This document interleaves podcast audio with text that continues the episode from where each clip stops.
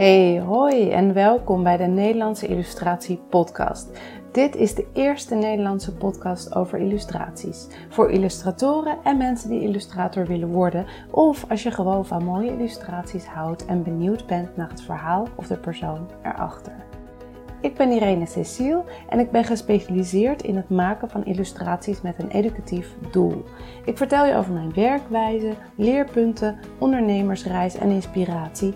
En ik ben heel nieuwsgierig naar hoe andere illustratoren het doen.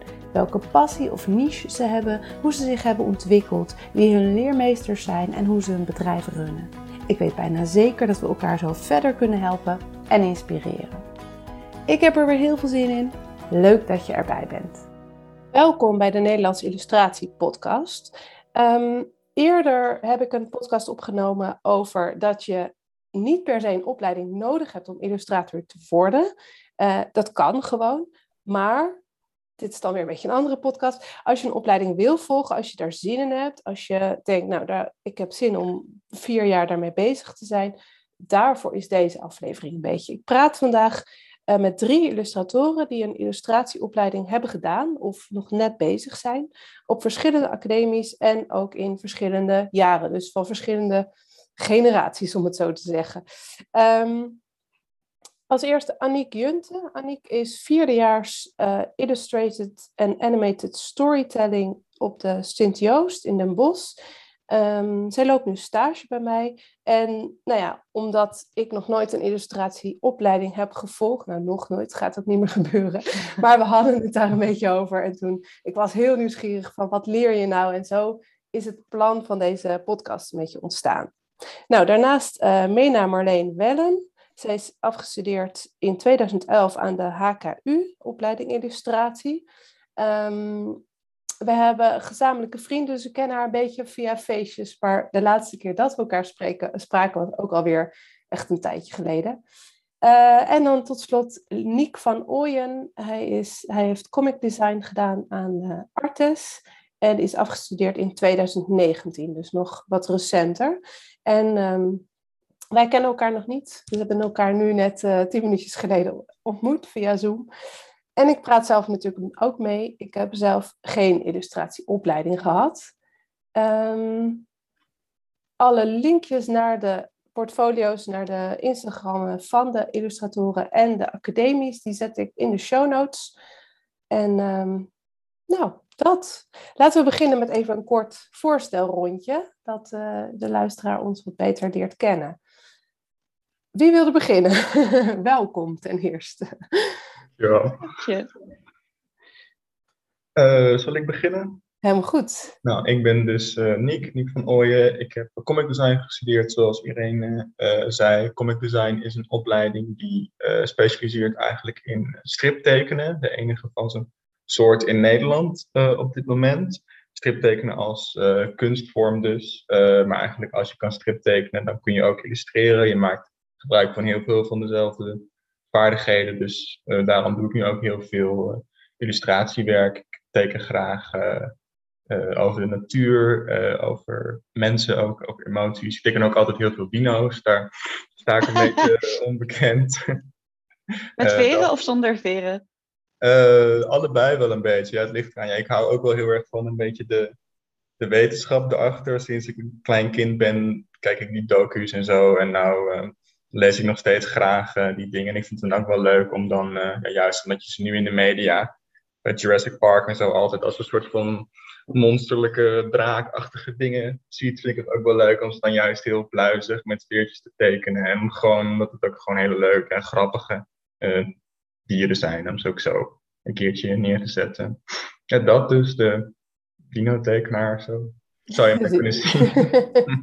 en je hebt ook een, um, ja, hoe moet ik, een, een strip, een infographic over de zorg. Uh, ja, het is een, uh, een boek is dat, een uh, graphic novel. Dus een, nou, een wat serieuzer slash literair stripverhaal zou je kunnen zeggen. Dat was mijn afstudeerproject. Dat heb ik samen met een klasgenoot van me gemaakt. Nu een collega waar ik ook veel mee samenwerk. Uh, en dat dan ook weer in samenwerking met het uh, Radboud UMC in Nijmegen, academisch ziekenhuis. Werkten we samen met een onderzoekster. Zij deed onderzoek naar uh, mantelzorg. En onze opdracht was eigenlijk om dat onderzoek te vertalen naar een, een strip, een mooi stripboek. En dat is dat boek geworden. Naast hem heet het. ja, dat is ook wel inderdaad ook iets waar je mij van zou kunnen kennen. Ja, leuk. Dankjewel. Mena, wil jij verder? Ja, ehm, nou, ik ben Mena. Uh, ik ben degene die uh, het langst geleden is afgestudeerd van uh, een opleiding. Ik heb de, de HKU gedaan in Utrecht, de opleiding illustratie. Um, ik ben vanaf dat moment dat ik afstudeerde in 2011, ben ik fulltime gaan freelancen, freelance illustrator geweest. En dat ben ik nu nog steeds. Het grootste deel van mijn werk um, zijn visual notes. Dus um, min of meer een, alle, alle vormen van uh, visuele samenvattingen zijn dat van bijvoorbeeld meetings of congressen of uh, in uh, coronatijden heel veel online meetings ook. En um, ik zit er dan bij en ik maak een samenvatting met, aan, aan de hand van uh, tekeningetjes en ook hè, wat mensen zeggen, dus in tekst erbij, praatwolkjes, uh, portretten van de sprekers. Uh, en weet je, bij een, um, als het, als het een, een meeting is in het echt en er loopt een hond voorbij, dan komt die hond op de tekening. En uh, dat is dan superleuk, vind ik zelf. En, um, en daarnaast doe ik, doe ik ook ander illustratiewerk. En dat is dan hè, op, uh, op websites, uh, tijdschriften. Uh, nou, de hele, de hele handel eigenlijk. Overal waar je illustraties bij kan bedenken. En ik denk dat mijn werk zich kenmerkt door... Er is een hele sterke nadruk op mensen. En ik wil ook altijd graag dat die mensen er echt uitzien als echte mensen. En dat ik uh, van elk poppetje denk, oh, dit, dit lijkt me wel een leuk persoon. En, um, en het, het is voor mij ook heel belangrijk dat het, dat het divers is en dat het echt divers is en niet, um, oh, ik doe alle huidskleuren geel of blauw, maar dat, um, hè, dat er echt een, een afspiegeling van de maatschappij in zit. Uh, op, op, op alle mogelijke manieren. Dus dat, dat doe ik ook heel graag. Dat vind ik heel erg leuk. Ja, Mooi, fijn. We gaan straks nog allemaal verder op jullie werk en uh, kunnen we wat meer doorvragen. Maar ja, en Aniek? Uh, ja, nou, ik ben Aniek. Um, ik ben nog een beetje het groentje hier. ik zit nog op school.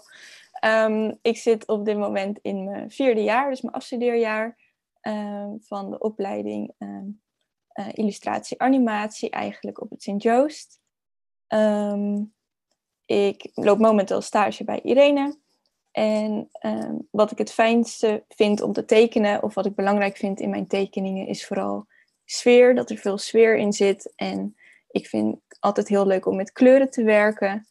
Um, en ik heb ook wel een lichte obsessie met geschiedenis. Dus um, vaak vind ik dat ook wel de leukste onderwerpen om uh, te kunnen tekenen of beeldverhalen over te maken. of animaties. dus uh, ja, ik uh, ben nu alvast druk bezig met mijn afstudeerproject, maar dat is nog een lopend proces hier. Mm ja. dus ja, tijdens mijn stage um, help ik ook Irene veel met uh, dingen voor de podcast, um, illustratieopdrachten en uh, daar leer ik ook veel voor om zelf freelance opdrachten te behandelen. En alle, alle praktische zaken die erbij komen kijken, daar leer ik heel veel van hier. Dus uh, dat is wel heel fijn. Ja. Ja.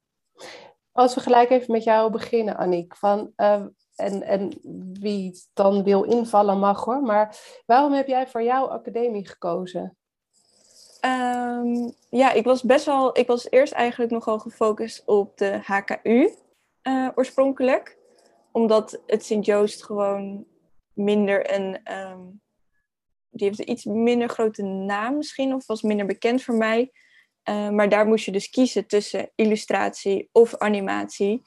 En ik had eigenlijk nog best wel een interesse in beide vormen. En ehm, precies een jaar na mijn afstuderen ehm, werd bij het Sint-Joost werden die studies gecombineerd tot illustrated storytelling um, of visual storytelling. En dat was eigenlijk ideaal, want dan kon ik beide vormen leren en met allebei de uh, vormen kennis maken en zelf bepalen wat ik dan het leukste vond. Dus dat was eigenlijk top. Dus ik heb me gelijk aangemeld en uh, ben ik aangenomen. En ik merk wel echt dat de focus, zeg maar, je leert wel de praktische kant van het animeren en de praktische kant van het illustreren. Maar de focus van de studie ligt ook veel meer op um, jouw eigen taal vinden om verhalen te vertellen in beelden. En dat vind ik ook wel heel interessant, omdat ik dan zo erg mijn eigen handtekening kan ontwikkelen um, als maker. Um, meer dan alleen bijvoorbeeld frame-by-frame animatie, wat je ook leert, maar daar leer je echt de basis van. Maar ik leer dan wel verschillende manieren van verhalen kunnen vertellen, de principes, de geschiedenis ervan. Um, en daardoor kan je dan je eigen stempel erop drukken. En daar wordt ook echt op gefocust om je ook uit je comfortzone te halen.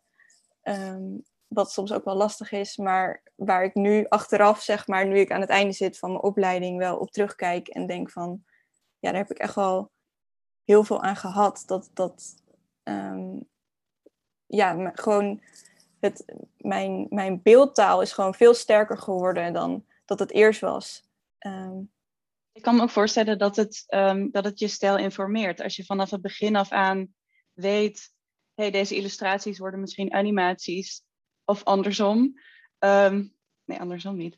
Dat, uh, dat je dan dat je stijl daar ook op aanpast. Ik merk zelf wel erg, ik moet altijd animatie outsourcen met mijn eigen tekeningen. En ik moet dan echt even horen van, oh wacht, dat armpje dat achter iemands hoofd zit, dat, dat ziet die animator niet, dat heeft die animator niet, weet je wel?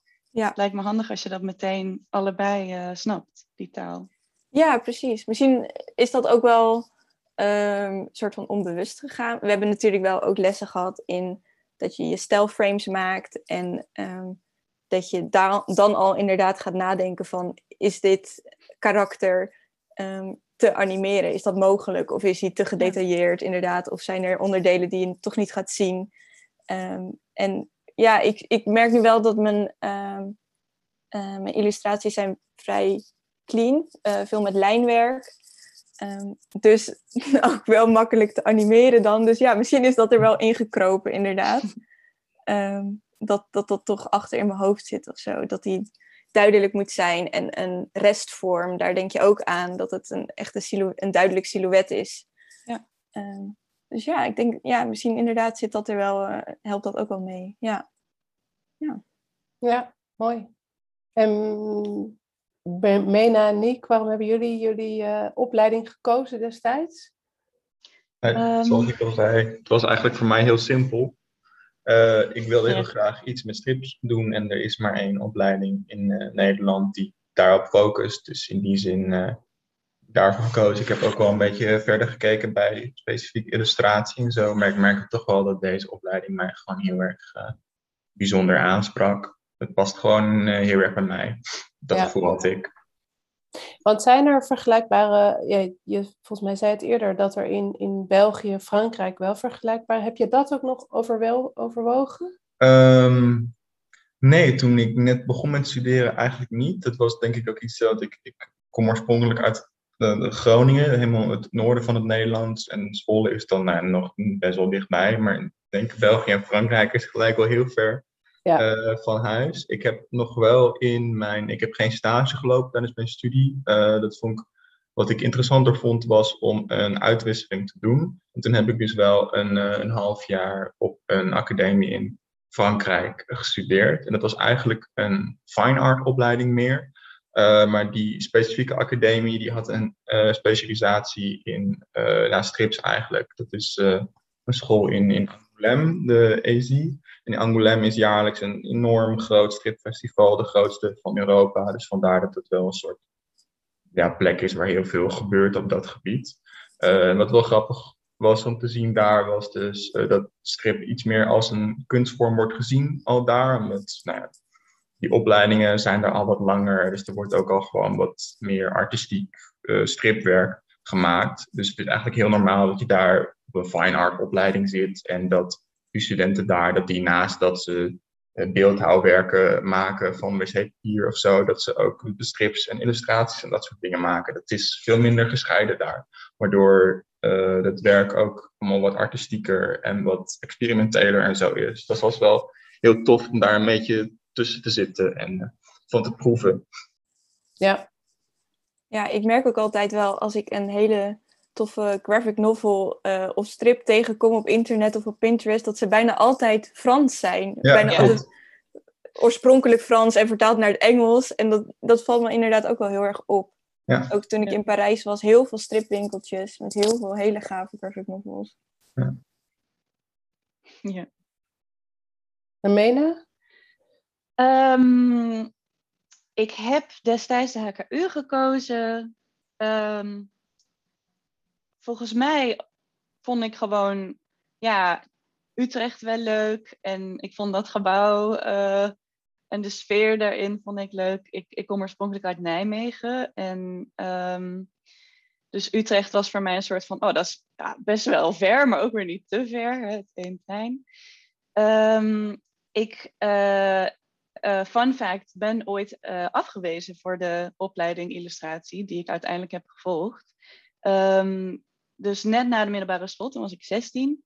Uh, toen heb ik drie keer toelating gedaan. Dus illustratie op de HKU, mode op de HKU en uh, fine art uh, in Arnhem, Artes. En illustratie werd ik toen niet aangenomen en die andere twee wel. Dus ik had toen even een moment van, oh, word ik dan, word ik dan kunstenaar of word ik dan modeontwerper?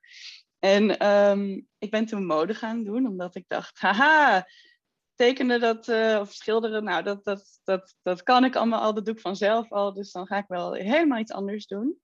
Uh, super slecht idee. Um, maar toen zat ik wel dus uh, dat eerste jaar al in de HKU, in dat gebouw. En um, je had daar ook bijvoorbeeld modules, volgens mij heette die toen seminars. En dan zat ik dan wel eens bij een illustratiemodule en ook bij die mensen. En ik vond die ook veel aardiger. Uh, of veel, ja, die sloten veel meer aan bij, bij mijn karakter. Um, dus ja, toen was ik heel dichtbij en toen dacht ik, ja, ik wil gewoon illustratie doen. Het is eigenlijk gewoon heel duidelijk. En uh, toen heb ik weer toelating gedaan en eerlijk gezegd beter mijn best gedaan.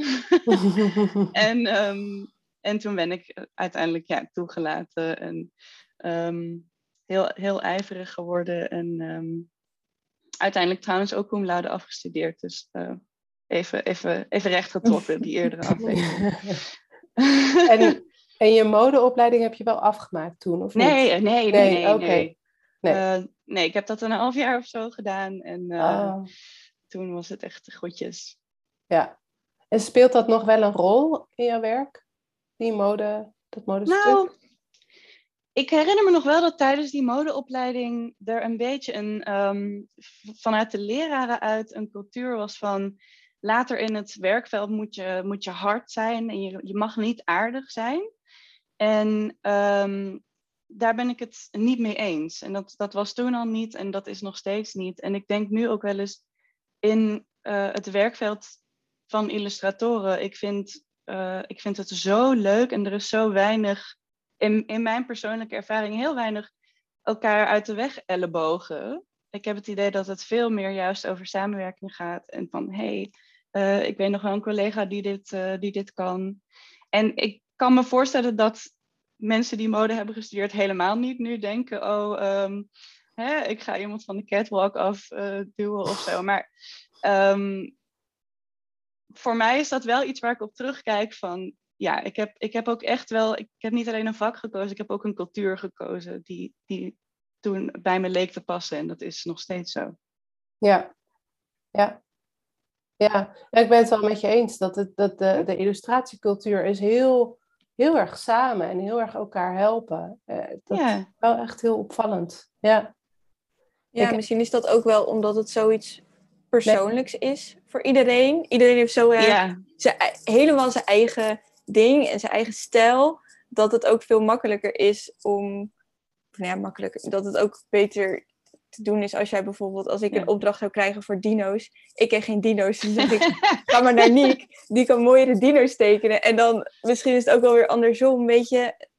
Iedereen weet zo erg dat, waar die zelf goed in is en waar de ander goed in is. En dan Ehm, in die zin concurreer je ook eigenlijk helemaal niet met elkaar. Want eigenlijk als je gewoon helemaal jezelf bent en je eigen ding doet, je eigen stijl hebt, dan is als het goed is, is er niemand die dat beter kan uh, dan jij.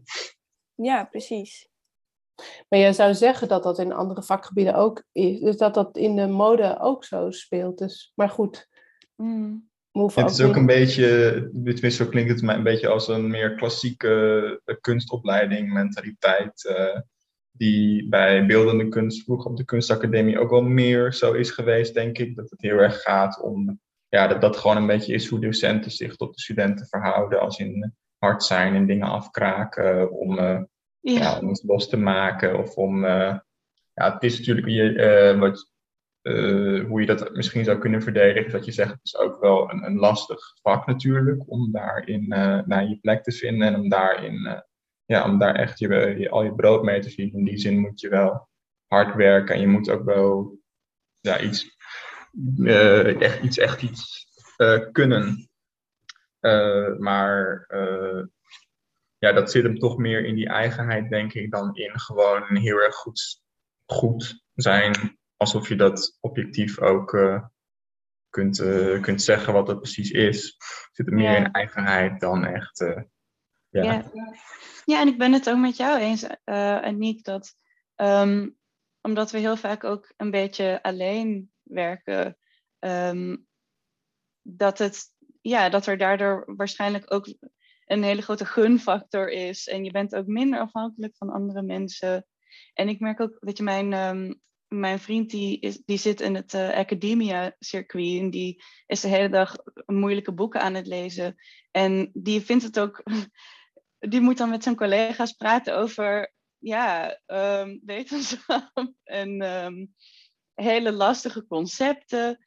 En daarvan merk ik ook vaak, als ik, als ik met illustratoren praat, dan is dat laagdrempelig en, en leuk. En dat is ook iets waar ik gewoon graag over praat. Het is, um, ja, dus als je dan bij elkaar komt, dan denk je, jee, deze mensen vinden tekenen ook heel leuk. En, Oké, is een Procreate brush al. En, um... Ja, dat is misschien, ik weet niet of dat iets is dat jullie hadden toen jullie begonnen met studeren aan de kunstacademie. Wat ik heel veel zie, ook uh, als een nieuwe eerstejaarsgroep ontstaat, is uh, tekenaars, uh, illustratoren, animatoren, striptekenaars ook heel erg. Dat zijn mensen die leven heel erg in een eigen wereldje. En tekenen is iets dat ze voorheen heel erg hebben gedaan in hun eigen wereldje. Ze waren dan op school altijd dat ene kind dat achter in de klas stil zat te tekenen in zijn schoolstukje.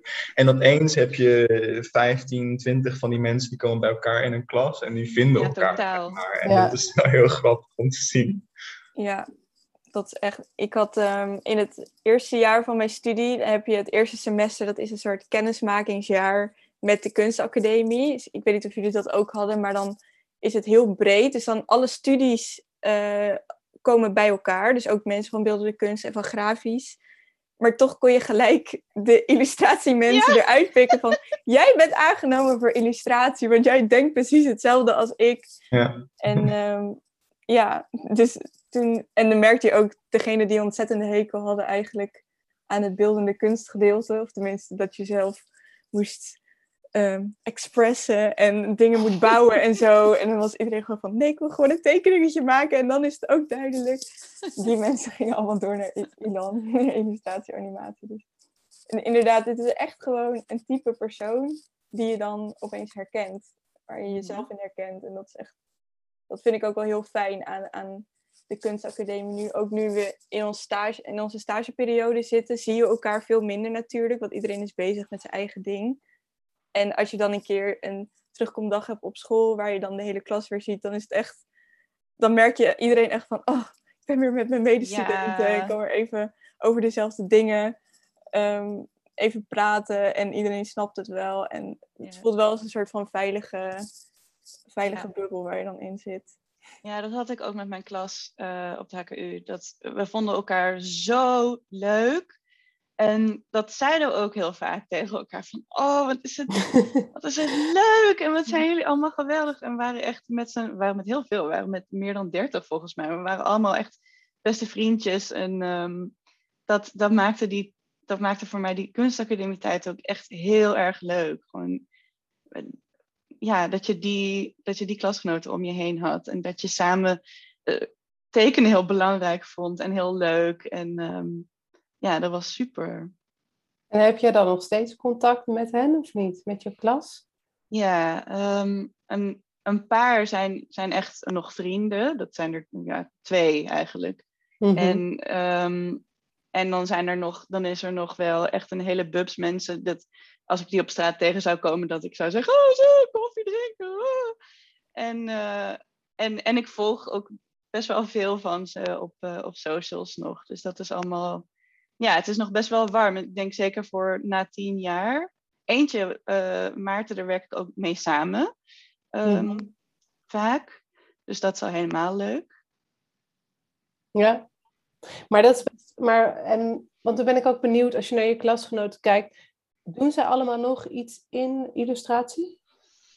Um, ja, de, de mensen die ik, uh, die ik nog zo zie of spreek of volg, die doen allemaal wel uh, in elk geval iets creatiefs. Dus je hebt uh, bijvoorbeeld eentje is uh, nu zeefdrukdocent op een kunstacademie. Je hebt iemand die is een speelgoedfabriek begonnen. Dat is dan, ja, het begint dan met een klein schets waarvan je denkt, oh ja, je, je tekende ooit en nu is het ineens iets heel conceptueels geworden. En je hebt mensen die hebben Die hebben een productlijn die ze verkopen uh, of um, staan op van die illustratiemarkten of hebben een Etsy uh, of zijn toch nog gaan leren animeren na de opleiding en doen dat. Um, dus eigenlijk op zich weinig zeg maar editorial illustratoren. Want wij dachten allemaal toen dat we ja, bij een tijdschrift zouden gaan werken of een krant. In mijn klas zijn dat eigenlijk best wel weinig mensen gaan doen. Maar er zijn wel ja, ik, ik zie wel bij, bij al die carrières een duidelijke lijn terug naar waar we ooit begonnen. Ja, ja, grappig. Ja, want ik heb wel, ik heb wel eh, in Den Haag kunstacademie gedaan, maar toen deed ik fotografie. Um, En dat begon ook gelijk met fotografie, dus zonder algemeen jaar of iets dergelijks. Omdat ik ook, nou, net als Aniek, dacht, daar heb ik geen zin in. In, uh, in uh, nou ja, te expressief en te, te, te 3D of zo. Ehm, maar volgens mij, ja, ik heb niet zo heel veel contact meer met, uh, nou, nog een paar mensen. Maar niet heel veel, of nou, tenminste, ik heb niet, ik heb niet het Sommigen hebben ook echt een andere afslag gedaan. Dus die zijn nu ineens psycholoog geworden of zo. Of die hebben echt een uh, andere richting gekozen. Maar ik weet niet waar dat dan ook aan ligt hoor. Wat dat dan, uh, wat dat dan is. Maar ja. Jij bent zelf natuurlijk van kleine beestjes naar tekeningen gegaan ook. Ja, ja. Nou, dat is ook wel grappig, want ik, ik moest daar ook wel aan denken. Dat ik wel ehm, twee keer ook die herkenning zo heb gehad. Dus ik heb biologie gestudeerd ehm, in Leiden, aan de Universiteit Leiden. En daar had ik dat heel erg, die herkenning van, oh, jullie houden ook van kleine, van, van kevertjes. Of, ik, vond dat, ik was altijd de vreemde eend in de bijt die ik zat dan nou, niet per se te tekenen, maar wel altijd naar beestjes te kijken. En ehm, dat is ook een beetje weird natuurlijk. dus daar vond ik ook heel veel herkenning. En later op de kunstacademie ook, dat ik ehm, het echt geweldig vond om dan... Uh, hadden we foto's gemaakt, allemaal hetzelfde thema. Dus dan uh, was het, weet ik veel, het, uh, nou, moesten rond eenzelfde thema, geld of zo, hadden we dan bijvoorbeeld als thema, moest je daar omheen een foto maken. Had je dertig verschillende foto's. Ik vond het geweldig om die dan te analyseren en daarover te praten. En ik ging, het was helemaal in mijn element, inderdaad. Ja. Dus ik her, wel die herkenning, dat, uh, dat, dat zie ik wel erg terug. Maar ik kan me ook voorstellen dat dat met heel veel studies zo is. Dat weet ik niet. Ja, ja, ik weet het niet. Misschien meer met een. Ja, ik heb natuurlijk de ervaring zelf niet, maar het lijkt me bij bijvoorbeeld een marketingstudie of gewoon iets algemeners, uh, een gewone studie, um, zie je, zie je wel veel diversere soorten mensen. Ehm, dus hele andere karakters, van hele stille mensen tot hele luidruchtige mensen. Mhm. En ehm, ja, ik, ik heb zelf zo'n studie nooit gedaan, dus ik weet niet hoe hun dat ervaren. Maar ehm, bij dit soort studies, omdat het om zoiets persoonlijks gaat, zoals je eigen, je eigen tekeningen, ehm, is het ook veel specifieker soort mensen wat, er, wat het trekt. Maar vooral misschien bij Niek, omdat het echt nog verder geconcentreerd is naar comics. Ehm, maar ja, dat is natuurlijk, als je het zelf niet hebt Ja, meegemaakt. nee, ik denk dat dat wel klopt hoor. Dat het echt wel. eh, en dan heb je ook nog eens spe- veel mensen die van eh, strips en dat soort dingen houden. Dat zijn gewoon vaak, eh, zeker op de middelbare school, een beetje, een beetje buitenbeentjes. Want Mm. Strips zijn gewoon niet zo cool, zeg maar. En dan kom je, op, komen je opeens in een klas mensen waar iedereen het gewoon super leuk vindt om de strips te lezen, met strips bezig te zijn. En ja, die mensen die, die, die hebben dat contact normaal gesproken alleen maar via, via Tumblr of zo met elkaar. En die ontmoeten zijn dan opeens echt zo eh, samen. En alles waar ze dan op de middelbare school misschien raar op aangekeken werden of ze van meegepest worden, dat is opeens, dat is opeens de norm geworden. En dat is eh, wel eh, heel bijzonder voor. eh, ja, je ziet wel dat mensen daar echt heel erg door kunnen opleven, opfleuren, een soort van tot bloei Ja. kunnen komen. Wat ook de kunstacademie een hele toffe plek kan maken om eh, ja, echt een beetje jezelf te ontpoppen of zo. Niet alleen in je werk, maar ook eh, als persoon. Ja, eigenlijk in zekere zin zijn die twee natuurlijk super met elkaar verweven. Als je gewoon goed werk wil maken, dan eh, ja, dat moet je putten uit jezelf. En dan, daardoor moet je, daarvoor moet je ook een beetje zelfvertrouwen hebben en, en lekker in je vel zitten of zo. Dat, ja, dat wat er in jouw hoofd eh, gebeurt en ontstaat, eh, naar buiten niet alleen kunnen, maar ook durven eh, brengen en daarvan iets stofs maken op papier.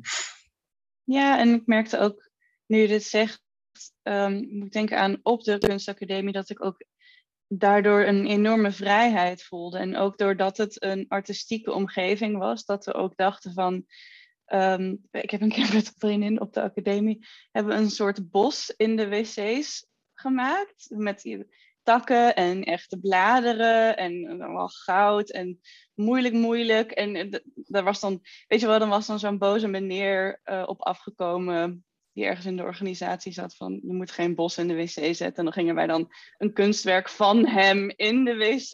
En dat voelde ook allemaal enorm, zeg maar, Hogwarts-achtig. Van eh, haha, kijk ons, ons ontpoppen als artistieke mensen. En was gewoon, ook gewoon heel leuk. Ik weet niet, misschien doen mensen bij bedrijfskunde dat ook, dat weet ik niet. Ehm, het was een spannende tijd. We moeten iemand van bedrijfskunde erbij vragen. Ja. ja. ja, en ehm, ik zat me ook nog af te vragen, hoe zat het bij jullie qua, eh, als, je dan, als je dan werk van anderen ziet, van klasgenoten, was, het, was er veel jaloezie of was het juist veel inspiratie bij elkaar? Of hoe zat dat bij jullie? Inspiratie wel veel, jaloezie niet, denk ik. Eh, niet bij mij in ieder geval. Eh, soms misschien wel een beetje dat dat werk van anderen je onzeker kan maken. Dat eh, zie je wel, wel veel gebeuren. Wat je natuurlijk ook hebt, je komt van de middelbare school en daar was je die ene die Ja, ene kind dat tekende. En dan iedereen wow, jij bent zo goed, je kan zo goed tekenen. Want... En dan zit je in een klas met twintig mensen die allemaal op de middelbare school allemaal ook zo goed konden tekenen. En dan Ja. kom je erachter van, oh, maar ik ben niet per se de beste eh, van de wereld. En sommige mensen zijn misschien ja, beter, vind je dan, of denk je dan. Ehm, ja, dat kan je in het begin wel een beetje onzeker maken soms. eh, omdat je dan ook nog een beetje je eigen stijl en je eigen plekje moet vinden en je moet ontwikkelen. En eh, misschien teken je wel op een manier die niet per se bij je past. Eh, en moet je daarin nog eh, groeien en zo. Dat hoort er ook gewoon allemaal bij. Maar dat kan wel even een beetje een klap in je gezicht zijn. ja. ja ik, had het, ik heb het nu denk ik meer dan op de academie. Dat als iemand iets heel goeds maakt, dat ik denk, "Ah, dat, had, dat had ik natuurlijk eigenlijk moeten doen en van tevoren al weten. En ehm, terwijl op de, op de academie denk ik dat ik ook veel meer externe validatie kreeg van docenten die me dan een goed cijfer gaven. Ehm, dus dan, dan, dan, ja, ik weet niet, op de academie was jaloezie meer een soort van, wauw, dat je dat kunt. Oh, lul, je krijgt, oh, waarom doe je nou zo onzeker? Het is allemaal fantastisch. Uh, dus meer die discourse. en, Mhm. En uiteindelijk, ja, als iedereen dan een voldoende kreeg, dan, dan was iedereen ook blij. En nu krijg je geen voldoendes meer van je docenten. Nu moet je dat ergens anders vandaan halen. Nu krijg je geld of likes Ja. op Instagram. Ja. ja, of je bent iets beter dan je vorig jaar was of zo. Ja, ja dat Of iemand is heel blij met wat je hebt gemaakt. Ja, ja. Ja. de- Nou ja, ik, ik merk het ook, maar dat is, dat is ook meer nu. eh, dat, ik, dat ik soms op Instagram mensen zie die dan, of, of mensen die dan zeggen van, ja, ik word zo onzeker als ik het werk van anderen zie. En ehm, dat ik dat ja, een heel klein beetje herken. Vooral in het begin dat ik, eh, nou ja, ook zonder opleiding, en dat ik dacht van, hè, hoor ik wel bij die wereld? Ehm, maar nou, eigenlijk tot het moment dat ik, dat ik merkte, oh ja, iedereen is ergens wel onzeker over. Maar ik vind het ook heel fijn om het juist nu allemaal als inspiratie te zien. En te denken, oh, wat Mhm. cool dat diegene dat kan. Of eh, soms van, kan ik dat ook proberen? Ja, ik denk dat het ook wel is op de academie, ehm, omdat je vaak in projectbasis eh, werkt. Dus iedereen is bezig met hetzelfde onderwerp of hetzelfde project, maar geeft daar zijn eigen draai aan. En dan ja. Is het nog, nog makkelijker, zeg maar, om jezelf met een ander te vergelijken van, oh, waarom heb ik daar niet aan gedacht, aan die coole invalshoek van die persoon?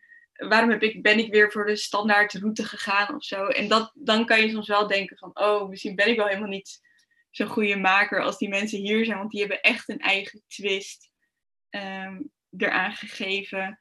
Maar ja, dat is, daar is gewoon iets waar je denk ik overheen moet van het voelt voor mij wat ik heb gekozen vanzelfsprekend, omdat het mijn invalshoek is.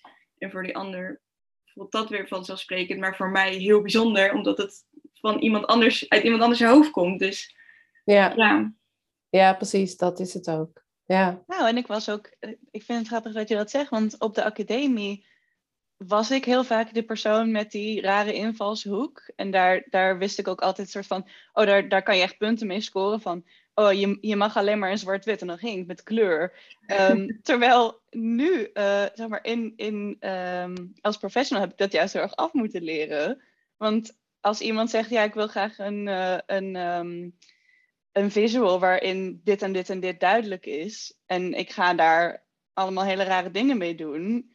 Dan is die klant helemaal niet blij. Dus het, voor, voor mij is, het een ander, is de les andersom. Van, nee, maar je, je kan ook jezelf vinden binnen bepaalde grenzen waarin je niet ehm, ja, bijvoorbeeld super origineel hoeft te zijn. ja. Maar het klinkt ook eh, eh, een beetje het, het soort van standaard beeld van een academie is dat je heel erg arty eh, je, gekke ding doet, zeg maar. En ik heb juist bij mij op de academie ook heel erg geleerd ehm, met doelgroep, met hè, hoe, hoe stem je af op de doelgroep, op het doel, op de klant, op dat soort dingen. Mhm. Hebben jullie dat ook, eh, dat soort, eh, nou ja, meer, meer al het, het, het beroeps, het, van hoe het later gaat zijn? Hebben jullie dat destijds geleerd? Veel minder. De focus ligt wel heel erg op experiment, experiment en gek doen. En eh, jezelf zo breed mogelijk ontwikkelen. En van zoveel mogelijk dingen proeven, zoveel mogelijk dingen proberen. Om daarin dan je eigen ding te vinden of daar, daarmee toe te voegen aan, eh, aan je eigen ding. Eh, en dan af en toe ook wel eens van, dan had je iets gemaakt of iets gevonden en dat was dan goed gelukt. Of dat, eh, dan werd er wel eens gevraagd van, goh, stel nou dat je dit aan iets of iemand zou willen verkopen. Welk, welk blad zou dit eventueel willen publiceren? Welke uitgeverij, zou, welke uitgeverij zou dit als boek willen uitgeven? Een beetje zus en zo. Maar het was wel altijd meer dus andersom. Ja. Je maakt eerst iets en je focust heel erg op het artistieke. En dan ga je daarna kijken van, nou, is dit verkoopbaar aan iets of iemand? Ja, dus echt meer product gebaseerd, product-based in plaats van client-based. Ja. Ja. Ja, bij ons zit nu, bij ons lag ook sowieso de focus inderdaad op echt jezelf ontwikkelen en je eigen stem creëren. Ehm, maar nu inderdaad, vooral de laatste jaren, um, komt wel, is het wel belangrijker als je bijvoorbeeld in je conceptfase al rekening houdt met uh, wie is de doelgroep, uh, waar zou dit kunnen liggen of aan wie zou ik het kunnen verkopen um, of wie zou het willen hebben.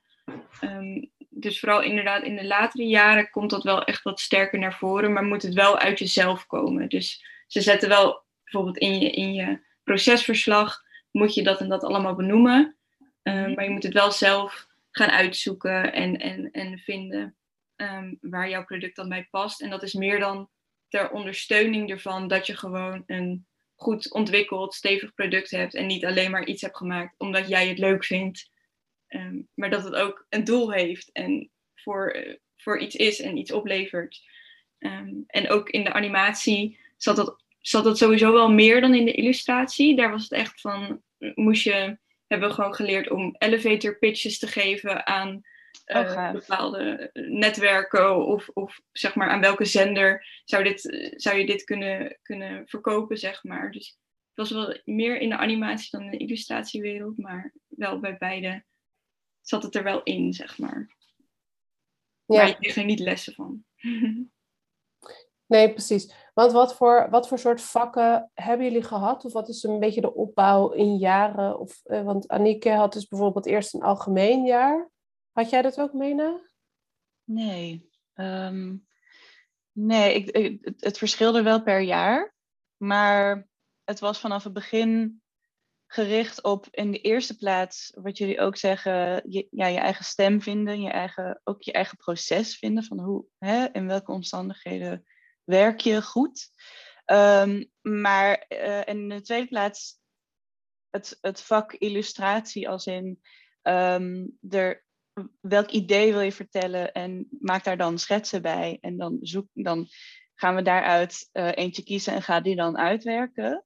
En dat is iets waarvan ik denk, ja, dat heeft mij ook best, best wel goed voorbereid op hoe illustratiewerk nu vaak is. Uh, van, um, en die schetsen die, die moeten ook echt iets communiceren. Je kan niet zomaar even, ja, en dan komt hier een regenboog en dan komt hier uh, een paard. Nee, je moet je moet dat meteen in die schets duidelijk hebben van dit is dus een regenboog en dit is dus een paard. Um,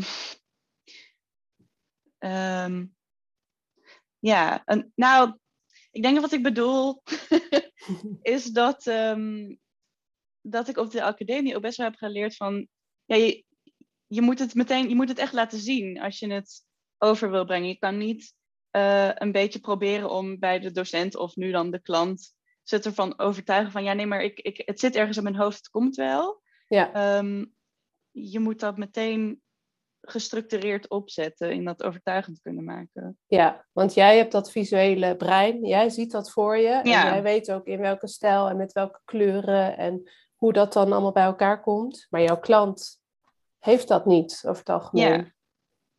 Ja, dus moet je geen, ja. geen smoesjes. Ja. Ja. Doen. ja. En hebben jullie ook nog hele. Uh, ik had bij fotografie bijvoorbeeld heb ik ook uh, grafisch vormgeving geleerd en een beetje webdesign en een beetje. Um, ook, ook, we hadden ook schilderlessen. Het was ook een beetje van alles wat. Was dat bij jullie ook? Zeker. Ja, ook fotografiecursus hebben wij gehad. Uh, bijvoorbeeld, dat krijgen volgens mij alle opleidingen op Artes krijgen dat zelfs, een basisfotografiecursus.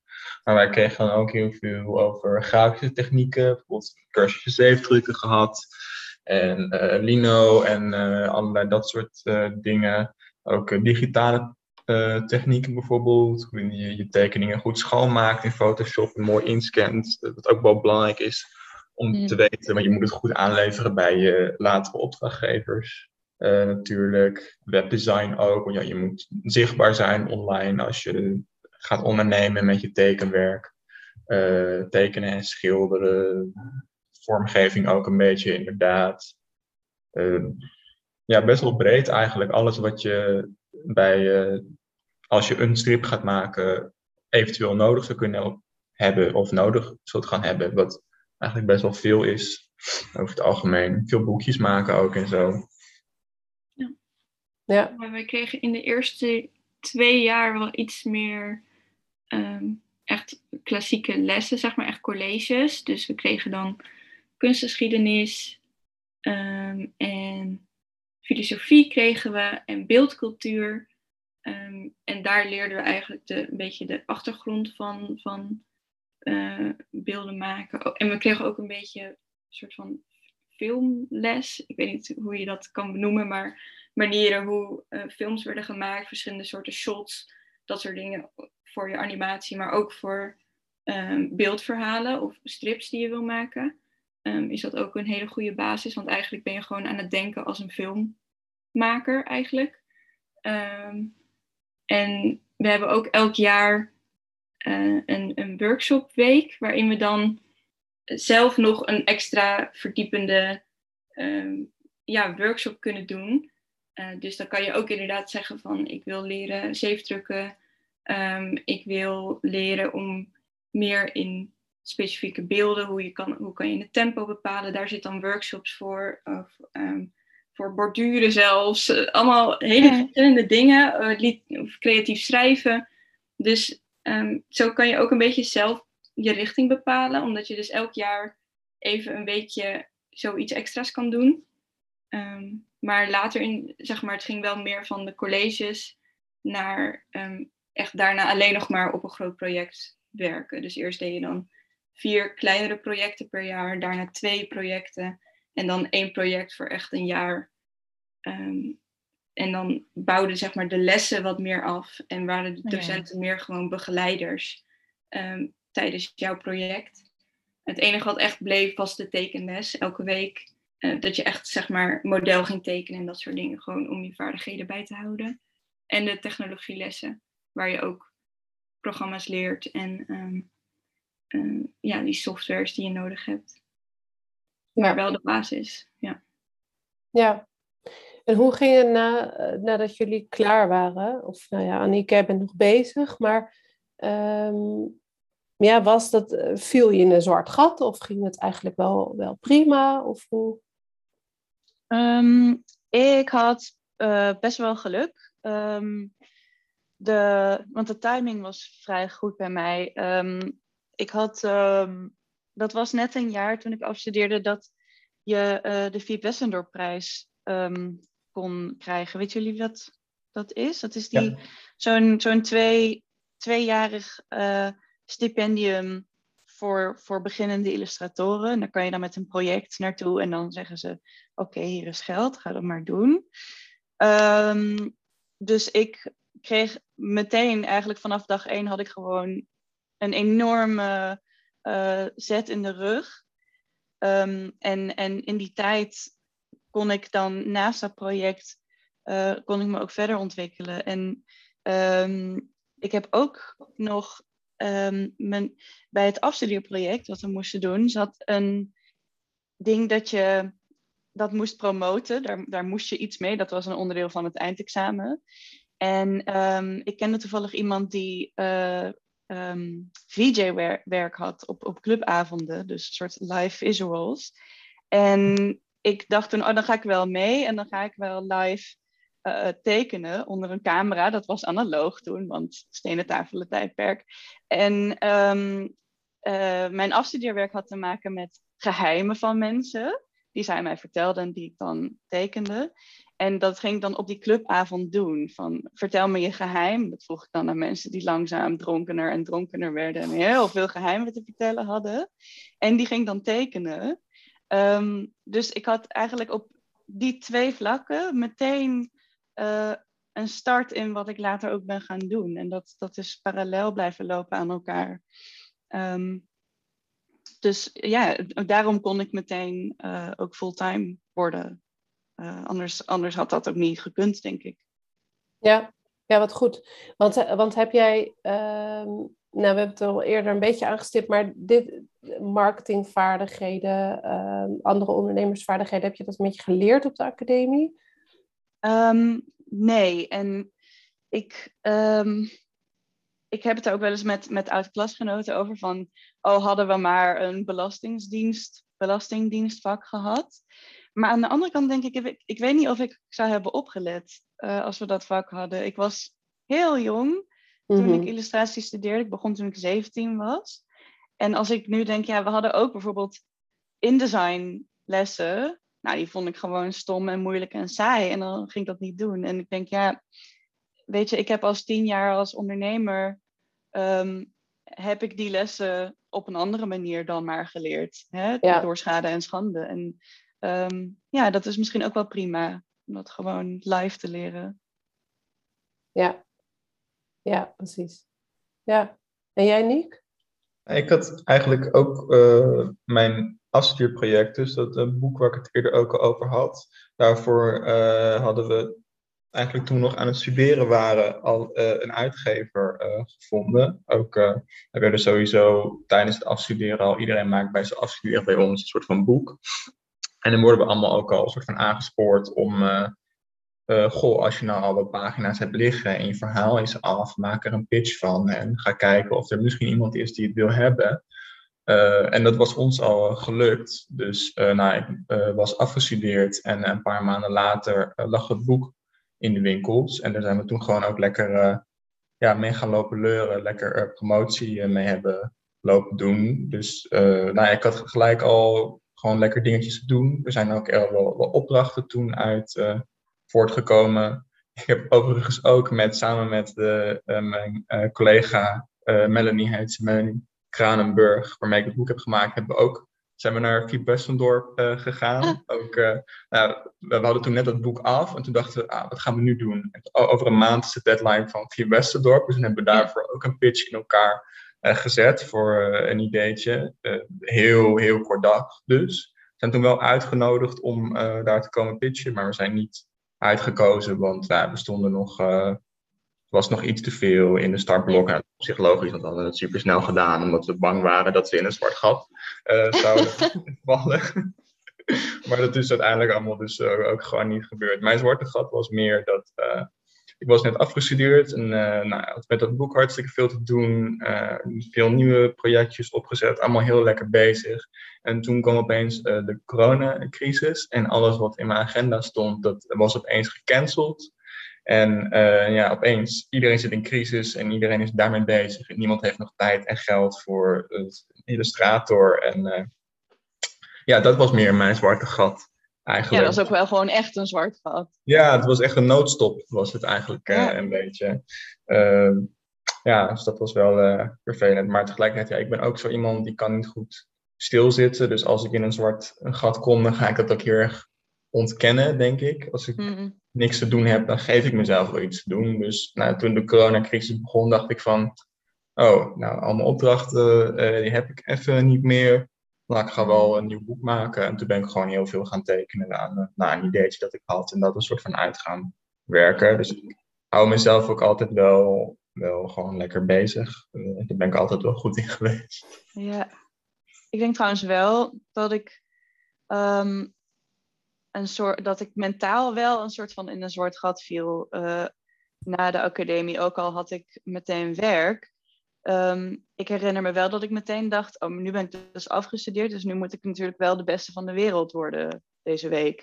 En dat dat dan hè, uh, niet meteen lukte, dat was echt wel heftig.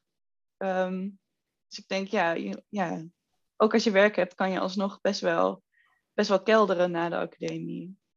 je bent na je afstuderen over het algemeen, denk ik ook dat weet je, afstuderen is ook best wel gewoon een intens eh, proces. En ja. uh, er ligt ook gewoon heel veel druk op, want het is het je ultieme project van je studie. En moet je dan ook in een jaar of een half jaar moet je dat even gaan maken. En het is waarmee je jezelf het werkveld, de buitenwereld inknalt. Dus het moet echt supergoed. Uh, daarna ben je ook een soort van ergens mentaal en creatief een soort van een beetje uitgeput, denk ik. Ja ik maar kan me ook wel herinneren dat uh, tekenen was voor mij een hele tijd toen ook gewoon echt, echt productie draaien. Ik moest voor dat boek 100 nog wat pagina's tekenen en dat moest allemaal in een half jaar tijd.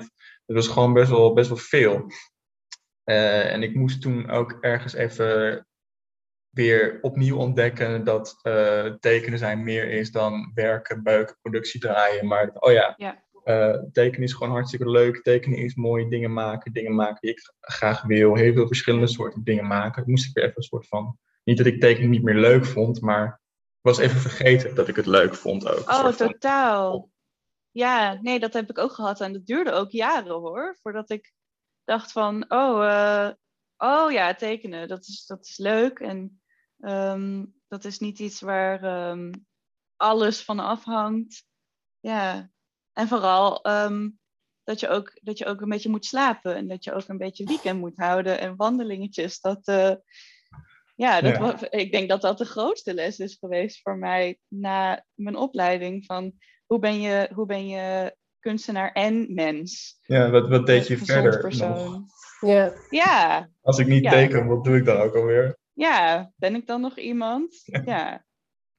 Maar ook inderdaad wandelen en slapen. Dat, ja.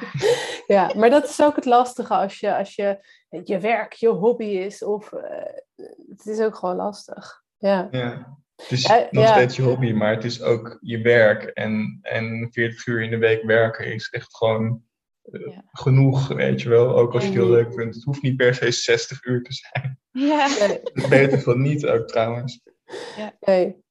Ja, ik, ik vond het wel grappig. Ik had, uh, voordat ik fotografie studeerde, uh, um, fotografeerde ik altijd heel veel bloemetjes en insecten. Nou ja, dat kwam natuurlijk uit mijn biologietijd. Maar ik vond, dat waren gewoon ja, van, die, van die soort van standaard prachtige stokbeelden. Maar dat ik wel merkte aan de, aan de kunstacademie was toen ineens, dat was niks meer waard. Want er zat geen concept achter en geen idee en geen hoger, um, hoger doel of wat dan ook. Dus ik merk wel dat, dat, dat ik heb dat toen een beetje afgeleerd. En dat is nog steeds niet echt terug. Dat ik, ik vind het eigenlijk nog steeds heel leuk. Maar dat ik nu wel merk, als ik dan met mijn camera in de zomer bloemetjes en bijtjes ga fotograferen, dan is er altijd nog steeds het stemmetje wat zegt: Ja, maar wat ga je dan doen met die foto's? Waar, waar, wat, Voor wie is het? Waar slaat het op? Ja, dan, dan staat het straks op mijn harde schijf en dan moet ik die weer backuppen en dan zorgt het alleen maar voor stress.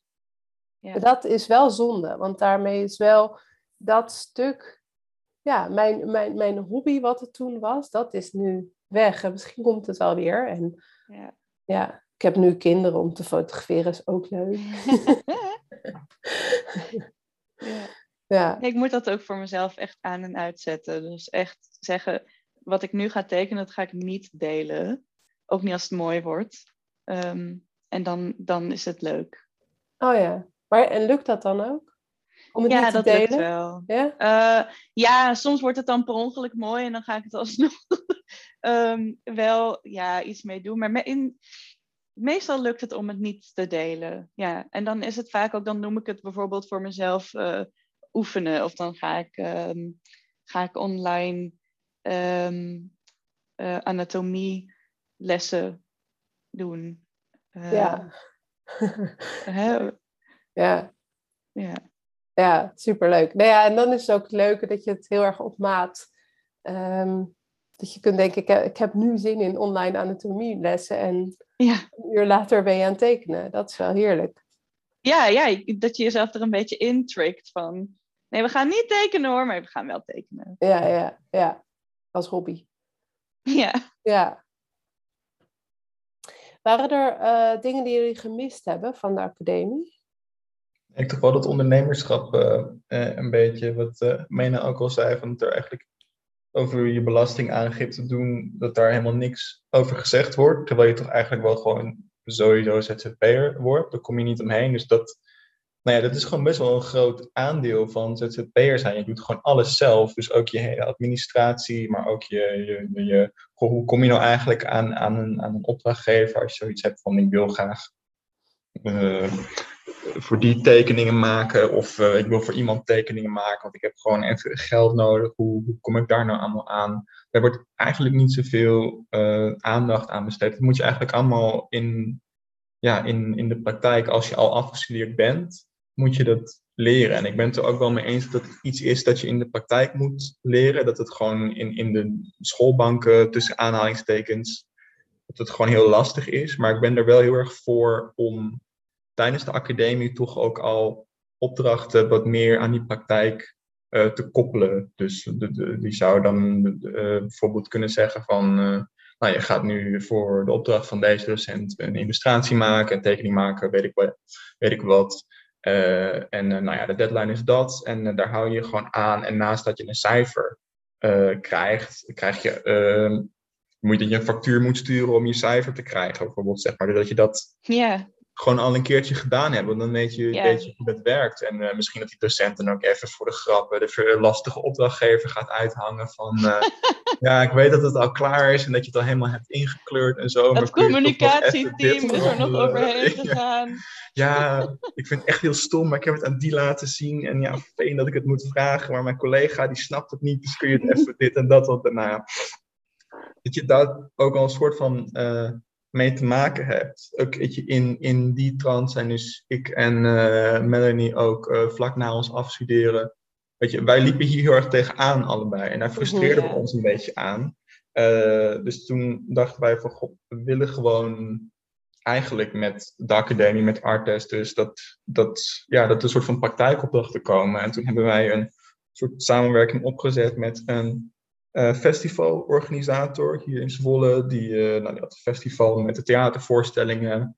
Uh, gebaseerd op bekende verhalen, sprookjes en dergelijke. Ik dacht, nou, dat past gewoon supergoed bij, bij Comic. Het gaat over verhalen. Waarom dan iets met beeldende kunst tekenen willen wij daaraan koppelen? Er waren 18 voorstellingen, dus we hebben toen nou ja, 18 studenten, eerstejaars studenten van de school geplukt. Van willen jullie illustreren voor dit festival. En dan wordt het niet alleen een schoolopdracht, maar ook gewoon, het, er gaat echt iets mee gebeuren. Je gaat werken voor dit festival uh, ja, als, uh, als opdrachtgever. En uh, nou, dat hebben we inmiddels twee keer gedaan. En de tweede keer, toen nou, hebben ze ook echt allemaal een, een factuur of een gageverklaring voor de mensen die nog geen ZZP'er waren, naar die organisatie kunnen sturen. En ik vind dat zelf heel tof. En dat is echt zoiets waarvan ik denk, ik wou dat ik dat tijdens mijn studie had gehad. Volgens mij valt daar heel veel uh, te leren.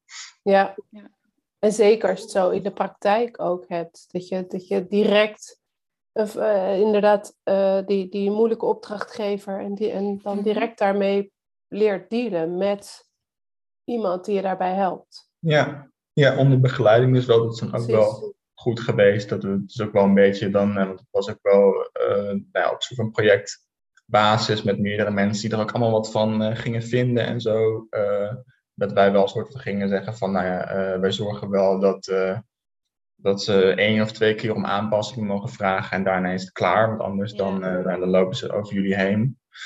Um, ja, maar wel heel leerzaam voor ze ja. geweest, denk ik. Ik had natuurlijk tijdens het afstuderen, omdat ik toen ook al een soort van voor een opdrachtgever uh, werkt. En ik merkte gewoon dat daar zoveel, zoveel van te leren al viel. Dat je niet alleen artistiek voor jezelf bezig bent, maar dat je ook echt ja, een soort van leert hoe het is om voor iemand iets te maken. En dan ook een beetje die balans bewaren in ik maak voor iemand iets, maar ik wil ook dat het gewoon voor mezelf een tof uh, kunstproject wordt. Het is gewoon best ingewikkeld. Ja, ja. en ik, ik merk ook wel dat ik vaak ook erg veel leer van um, de ervaringen van anderen, dus van illustratoren, maar ook van mensen die klant zijn van illustratoren. Om dat gewoon even te horen van, ehm, ja, hoe doe jij dat? Of wat, wat wil je eigenlijk? Bijvoorbeeld, um, Irene, ik heb gisteren jouw podcastaflevering geluisterd over gewoon, ja, een eerste gesprek met een klant en een offerte en hoe jij dat dan doet. En daarin denk ik al, ik leer daar toch altijd weer wat van. Of ik denk, oh ja, oh, dat doe ik ook. Dus dat, dat zit wel goed dan nu. Of hé, hey, dat zou ik ook kunnen doen. En ik denk nu ook niet, nu jij zegt van, ehm, ja, dat je het een soort van, dan heb je het maar een keer gedaan. Dat dat, um, daar ben ik het wel mee eens. En ik denk, misschien zou je ook op een kunstopleiding uh, wat praktijkvoorbeelden kunnen, kunnen laten zien. Of mensen uitnodigen, en, hè, illustratoren uitnodigen en zeggen, kun je even praten over hoe je een factuur maakt? Of hoe je onderhandelt of hoe je ermee omgaat als een klant te veel aanpassingen wil. Ja, of gewoon van je docent zelf uh, natuurlijk. Want over het algemeen docenten op de kunstacademie zijn gewoon professionals die één dag in de week daar les geven, die eh, hebben zelf ook uh, dagelijks te mhm. maken met moeilijke klanten en facturen, offertes, weet ik wat, en onderhandelingen over budget en alles. Maar als een docent, als je de eerste keer les krijgt van hem of haar, dan krijg je een heel praatje van dit is wat ik allemaal heb gemaakt, heb gedaan. Ik heb uh, deze campagne ontworpen voor de ja, en ik heb uh, illustraties gemaakt voor dit blad en dit blad. Dat je allemaal vet, vet, vet. Maar vervolgens hoe je bij zo'n blad binnenkomt of hoe de onderhandelingen erover gaan. En dat, daar hoor je eigenlijk altijd gewoon ja, vrij weinig over. Nee, en kennis of... natuurlijk wel gewoon is om te delen. En, en misschien ook, hoeveel heb je daarvoor betaald gekregen? Want je kan wel een heel tof blad staan met een grote naam, maar hè, kan je ervan leven? Er wordt echt niks over gezegd eigenlijk bijna. Ik vind het eigenlijk heel raar dat je dan van de, uh, van de academie afkomt en dan kun je iets heel vets en dan uh, nou, als je dan iemand vindt die uh, daar iets mee wil, die iets van jou wil, dan, en die vraagt van, uh, je weet eigenlijk niet hoeveel dat wat je kunt waard is, zeg maar, in, in geld gezien. En ik zie ook heel veel mensen die afgestudeerd zijn en uh, nou, die hebben dan, ik zag laatst bij iemand op de website staan dat ze voor een strippagina 60 euro vroeg. Ik denk van, maar zo'n strippagina is gewoon uren of misschien wel dagen werk. Als je dat omrekent naar een uurloon, 60 euro. Je bent geen vakkenvuller. Je doet gewoon heel, heel gespecialiseerd, gespecialiseerd werk. Dat Technisch gezien wel trouwens, als je een strip maakt. ben je wel een vakkenvuller. ja, ja, panels, ja. Nee, maar ja, weet je, heel veel mensen die zijn gewoon, die hebben gewoon blijkbaar niet door dat, dat ze echt al, dat ze wat waard zijn. Dat ze daar wat voor kunnen vragen. En het lullig is dat uiteindelijk schaadt het gewoon iedereen. Want je haalt gewoon de, nou ja, de markt, om het maar even zo te noemen, haal je gewoon de prijs naar beneden. Als ik dan vervolgens uh, drie keer zoveel wil vragen, dan lijkt het opeens heel duur. Ja. ja. het was voor mij ook een hele grote reden om bij Irene stage te lopen. Omdat ik gewoon dan eindelijk, ik had al zo lang in mijn studie, zat ik gewoon met van die praktische vraagjes van inderdaad van als je iemand benadert, hoe vind je opdrachtgevers en hoe, uh, wat, ja, hoe stuur je een factuur? Want zeg maar, misschien of een offerte, maak je een offerte, gaat dat mondelings? Uh, en inderdaad ook gewoon de praktische dingen van hoeveel geld vraag je voor iets? Dat, dat, dat wordt gewoon zo ontweken. En ik dacht, als ik dan gewoon bij Irene zie ik gewoon letterlijk het dagelijks leven van als freelancer werken en alle praktische zaakjes en die dingen zoals inderdaad zo'n offerte, dat ik dan gewoon even kan vragen van, oh, Irene, hoe doe jij dat? En dan stuurt ze gewoon even een offerte op en dan kan ik het even lezen en dan weet ik, oh, dus dat moet erin staan. En dan kan je zelf wel ermee aan de slag. Maar ik, het, het voelt gewoon zo, zeg maar, ja, simpel, zo duidelijke informatie die je dan gewoon niet krijgt ja. op, op school. En ik ben dan heel blij dat ik het nu allemaal leer via Irene. Um, ja. En dan ook straks gewoon wat steviger in mijn schoenen uh, kan starten, omdat ik gewoon al weet hoe het stappenplan gaat. En inderdaad, je krijgt ook vaak opdrachtgevers die er zelf niet in die wereld zitten. Dus jij moet meestal wel de leidende hand nemen van ik stuur je een offerte met dit en dit en dit en ik ga ik zo aan de slag. Maar als je dat zelf ook niet weet, dan zit je met aan twee kanten twee mensen die eigenlijk niet weten wat ze moeten doen. En dat is zo bizar als je gewoon een vierjarige studie uh, ervoor hebt gedaan eigenlijk. Ja. Dan heb je zoveel instrumenten, maar je weet niet hoe je ze praktisch in moet zetten. En ja. Maar het is ook wel, want ik, ik moet even denken aan die docenten dan aan de kunstacademie, dat zij dat niet vertellen. Ik zit nu ook te denken van ik leer nu pas een beetje sinds ik, nou ja, eh, Aniek als stagiair heb, maar ook sinds ik dan uh, die coachingsgesprekken heb en de podcast. Ik krijg nu ook heel veel reacties op de podcast. Nu pas uh, snap ik of zie ik hoeveel ik dan geleerd heb ook in al die tijd. En dat er, dat, dat er soms vragen naar me toe komen via Instagram of zo, dat ik denk, oh jeetje, is dat een vraag? Is dat überhaupt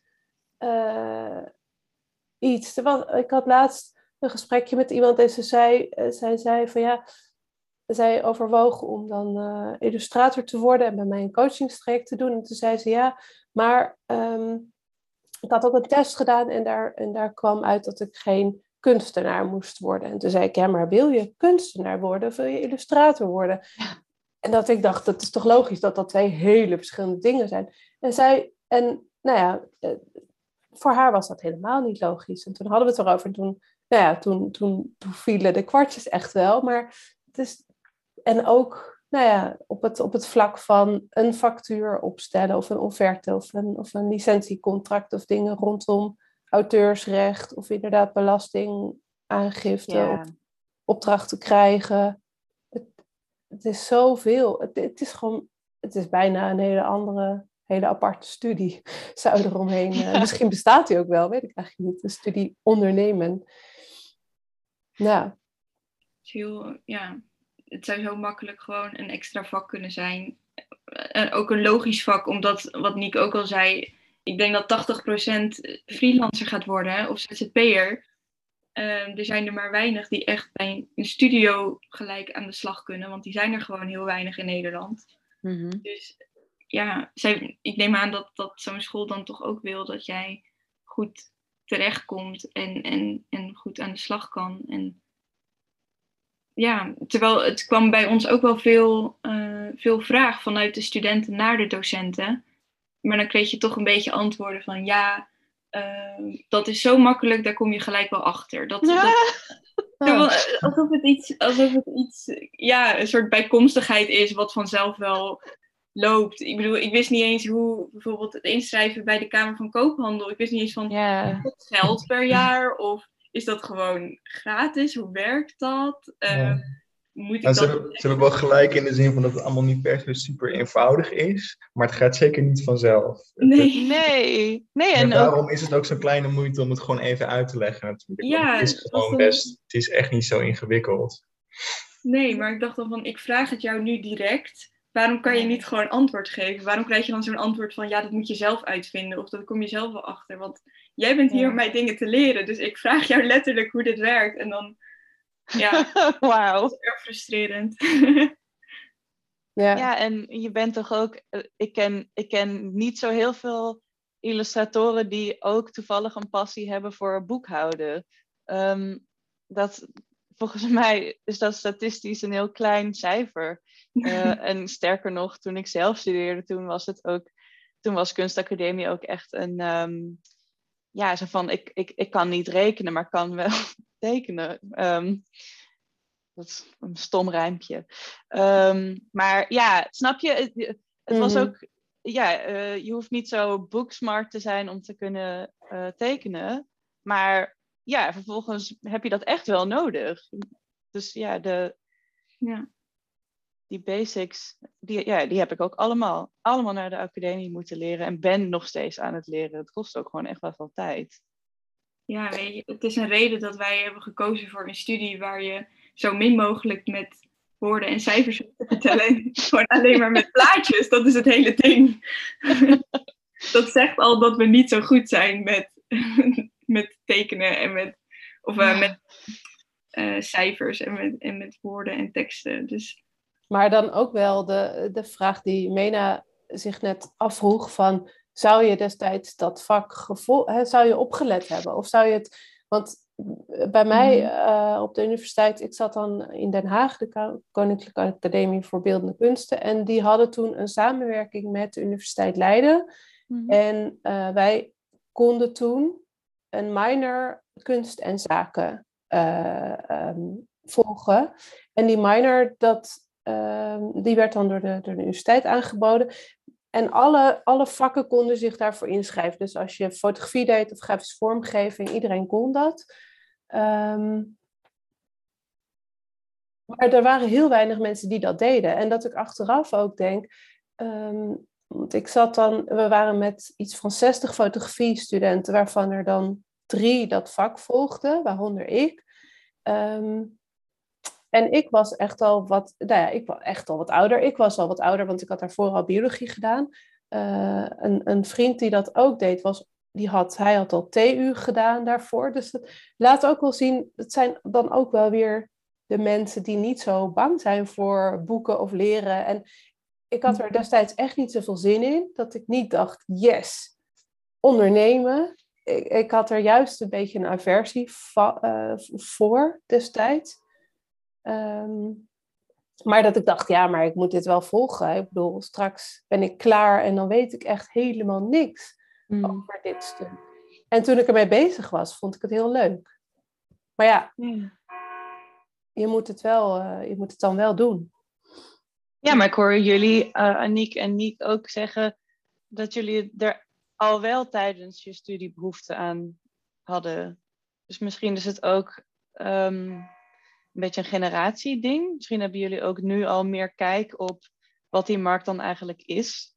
Ik denk toen ik tien jaar geleden, of dus langer, studeerde, toen, toen bestond überhaupt mijn, mijn vak, uh, Visual Notes, dat bestond niet. En um, Instagram was er niet. En we moesten in jaar drie allemaal een blogspot aanmaken. Ehm, dus dat was ook een veel meer. Ehm, hè, de, de toekomst die was heel troebel. Dat was heel erg van ja, nou, word ik denk ik een, eh, zo'n starving artist. En, of, of ineens heel erg beroemd omdat uh, iemand me ontdekt. Ehm, maar misschien is dat ook een generatieding, dat bij jullie echt wel anders ligt.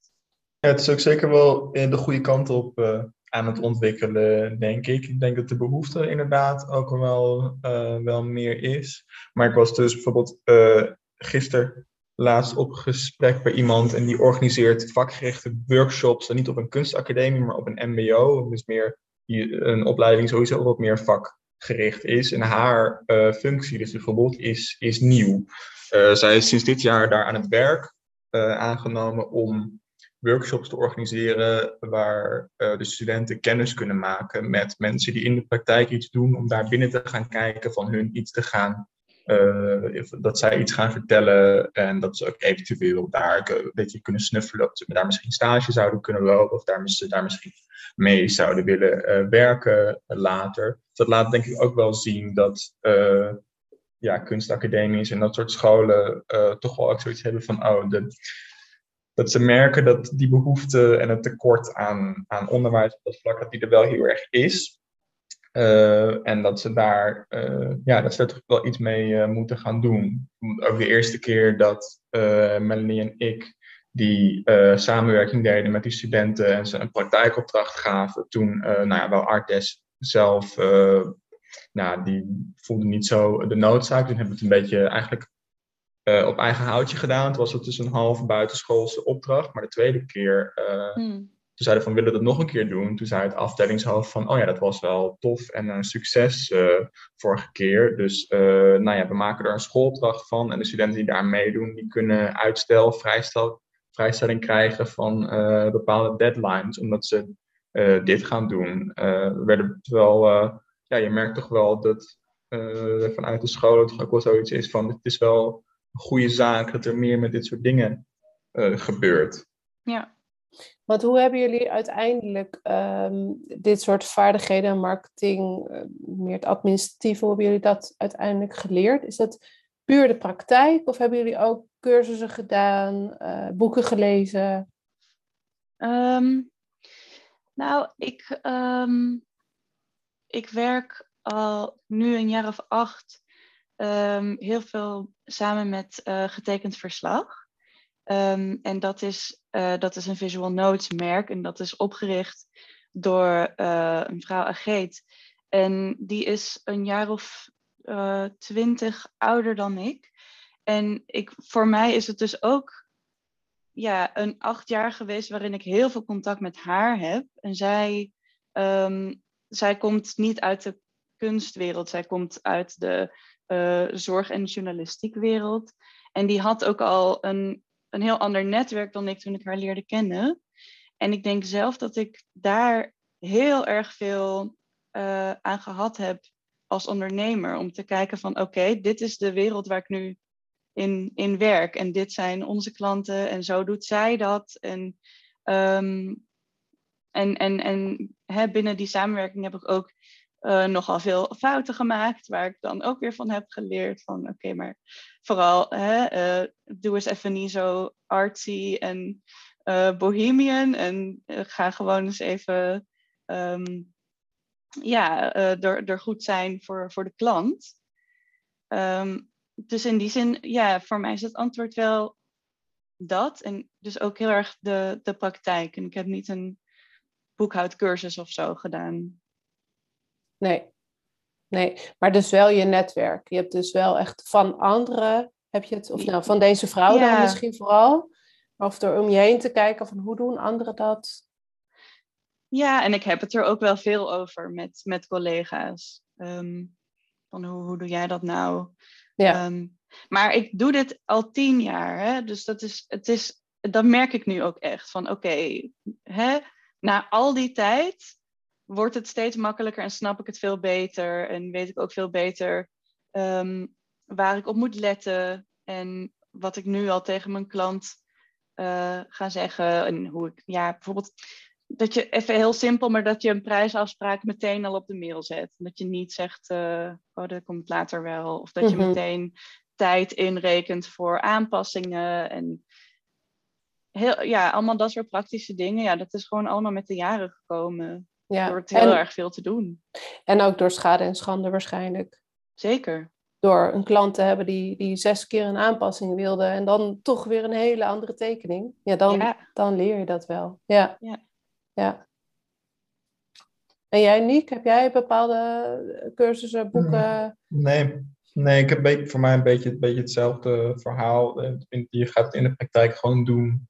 En dan uh, leer je het en dan loop je er ook wel eens tegenaan van, oh, het gaat nu niet helemaal lekker. In, dat kan ik volgende keer misschien doen om dat, uh, ja, om dat in te calculeren of om het uh, ja, anders te doen. Ehm, ja, dat, dat, gaat gewoon, ja, je eigen directe netwerk ook gewoon mensen die dan misschien een paar jaar langer bezig zijn of die net zo lang bezig zijn als jij, maar die dan ergens tegenaan lopen en dat je denkt, oh, dat zou mij ook kunnen overkomen. In zekere zin moet je het ook wel echt in de praktijk leren hoor, dat, dat, is ook wel zo, denk ik.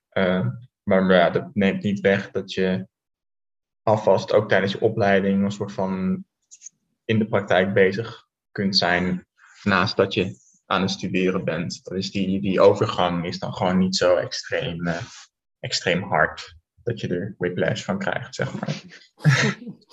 ja, precies. Ja. ja, want ik heb nog wel eigenlijk een vraagje voor jou, Irene. Want ehm, wij zitten zeg maar nu al best wel met je studie. Um, je hebt al je studiegenoten die later ook het werkveld ingaan als illustrator. We hebben heel vaak gastsprekers uit het werkveld en docenten uit het werkveld, waardoor we al best wel een beetje in de illustratiewereld of kennis hebben gemaakt met de illustratiewereld. En we zijn al naar beurzen geweest en zo via school. Ehm, maar jij kwam natuurlijk niet van een illustratie, uh, uit een illustratiebubbel. Dus hoe, hoe heb jij dat dan in het begin kunnen doen? Ehm, want je stond dan misschien wel een beetje alleen ervoor. Uh, wij hebben best wel veel vergelijkingsmateriaal, zeg maar. Mm Al een beetje contacten opgebouwd. Ja, nou ik was natuurlijk al wel ondernemer. Dus ik, ik ben wel nou, begonnen als fotograaf en daarna webdesigner. En, ehm, en ik tekende al, eh, bijvoorbeeld dan maakte ik een website en dan zei ik ook van nou zou ik die header, ik daar een leuk tekeningetje voor maken. Of dat ik dan een logo of zo. Uh, dus ik deed dat al wel een beetje. Dus ik heb wel ja, in dat pad al wel redelijk wat geleerd, denk ik. Ehm, ja, en toch ook daarna, als het dan gaat om meer branche-specifieke dingen zoals prijzen en zo, dat is ook gewoon heel veel praten met mensen en heel veel uh, ja, vragen en, en, en praten. En um, ik ben ook wel naar borrels geweest, bijvoorbeeld bij uitgeverij Lemmenskaat. Ik had op een gegeven moment een wedstrijd gewonnen en toen mocht ik naar de borrel. en uh, dat ik daar ook dan op die borrel dacht uh, van ik wil illustratoren spreken. Wie zijn hier de illustratoren? En de schrijvers, nou ja, dat zal wel, maar ik wil echt de illustratoren spreken.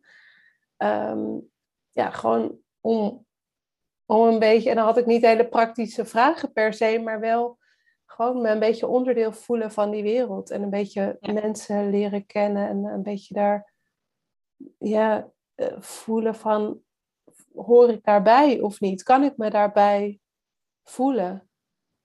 Ehm, en ik denk, voor mij was het ook echt best wel een En misschien heeft dat ook te maken met het feit dat ik geen illustratieopleiding heb gedaan. Maar volgens, voor mij was het ook echt wel een identiteit ding. Dat, mm. ehm, dat ik me op een gegeven moment illustrator durfde te noemen.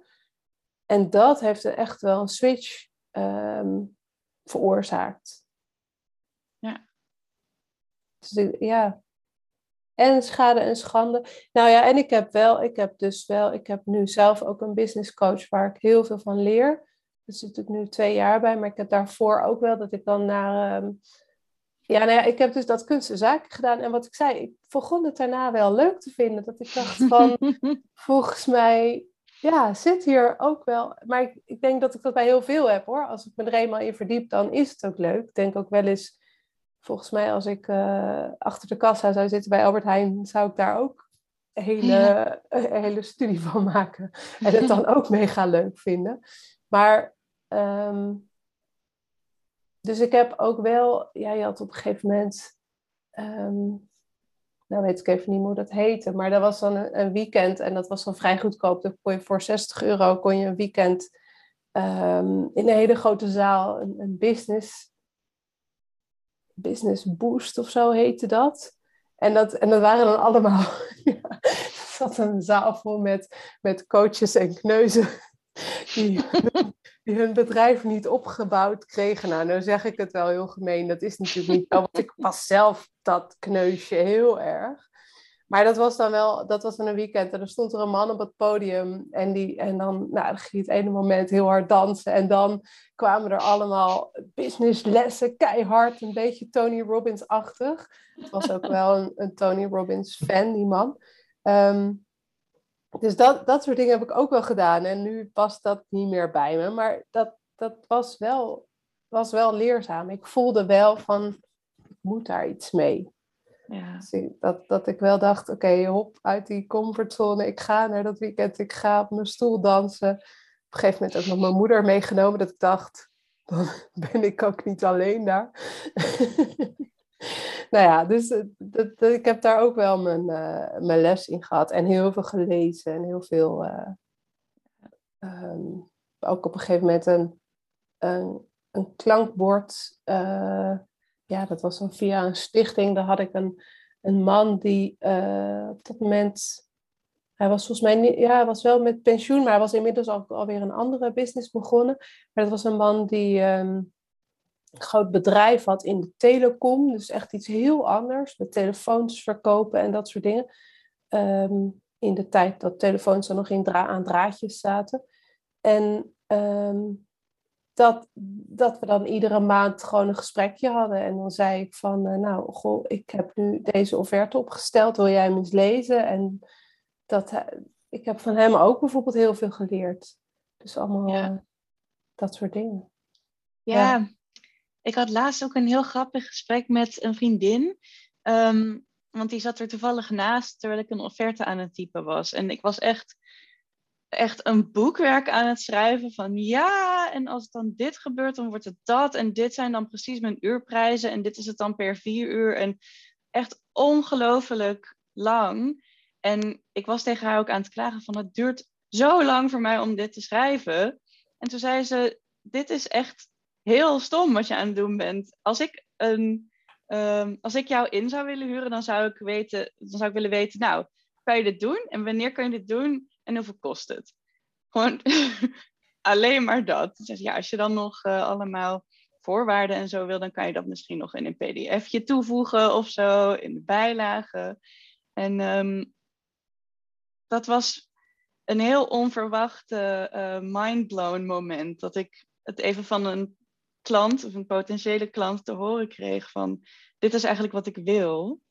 In mm. plaats van um, hier is de hele geschiedenis van hoe ik tot deze prijs ben gekomen.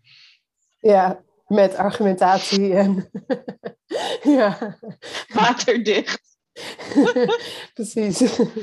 ja, ja. Nou, mooi. Ik denk uh, dat we een beetje naar de afronding gaan. Um, als laatste vraag, hebben jullie nog iets wat je de luisteraar wil meegeven? En de luisteraars zijn meestal illustratoren soms echt net beginnend of hè, dromend van een carrière als. maar ook mensen die uh, al tien jaar bezig zijn? Um, nou, als ik, als ik iets tegen, tegen mijn jongere zelf zou kunnen zeggen, dan, dan zou het denk ik uh, zoiets zijn in de richting van. Um, ja, het, het wordt echt wel makkelijker uh, als je het gewoon een tijd doet. Je netwerk groeit vanzelf. Uh, zeker als je illustrator bent, die werkt, verkoopt zichzelf. Hè? Gewoon als je iets maakt en mensen zien het, dan komen ze naar je toe. En dat gaat allemaal best wel organisch. Ik denk um, ja, dat dat is, is wat, ik, wat ik vroeger niet zo wist. Van, um, ja, je, je netwerk groeit echt en daar heb je gewoon heel erg veel aan. En je mhm. hoeft niet allemaal zelf uh, de, um, je hoeft niet allemaal op alle socials te zijn en te zeggen van hier is al mijn werk en um, um, op al die platforms. Ik bedoel, dat, dat helpt natuurlijk wel heel erg, maar wat ik zelf heb gemerkt in de afgelopen jaren is ja, dat het werk komt heel vaak een beetje uit binnen cirkels en daar dan weer de cirkels van. Ja, en ga, neem een weekend, doe een wandelingetje. Zorg, zorg voor jezelf. Wel echt doen. Ga in therapie. Ja, burn-out zit in een klein uh, hoekje. Ook ja, als je het ja, leukste werk van de wereld doet. Dat is absoluut wel, uh, absoluut wel waar. Ja. ja, het is niet. Het is niet ik vind wel dat het erg. Um, zeker toen ik afstudeerde, dat het erg geromantiseerd werd van oh, alles voor je kunst. En um, ja. dat, dat moet je niet doen. Dat moet je gewoon echt niet ja. doen ja, ergens, ergens stiekem vind je het wel heel erg stoer dat je, dat, je gewoon tot diep in de nacht achter je tekentafel uh, zo zit om je deadline te halen. Ja. Of whatever. Dat je echt je hart en ziel in je, in je werk uh, stopt. En uh, af en toe is het ook wel, is de, dat romantische beeld ook natuurlijk wel geinig. Maar niet, je moet je voorstellen, dat als je, je moet ervan uitgaan als je dit beroep kiest, dat het niet is voor, uh, voor een jaar, maar voor ja, gewoon, nou ja, tot je pensioen, zeg maar. En tot je pensioen haal je dat uh, niet, niet vol. het is leuk in korte sprintjes, maar inderdaad, neem, neem ook weekend. Ja. ja, precies. Ja, en ik zou zeggen, als je twijfelt om aan een studie te beginnen, of misschien een studie wilt doen, um, zie het gewoon als vier jaar lang ja, het klinkt misschien een beetje cliché, maar gewoon als, als een soort speeltuin of tenminste een veilige ruimte om te kunnen uitproberen. En soms ook gewoon over, zeg maar, net over het randje te gaan dat misschien mislukt, maar dan heb je niks verloren. Dan heb je gewoon die tijd gehad om dat uit te proberen. En, en, en gewoon gekke dingen te doen zonder dat het per se hele grote gevolgen heeft. Ik had wel dat, dat vanaf het begin van mijn studie al wat meer willen doen. Um, Ik legde altijd best wel grote druk op mezelf dat het goed moest zijn.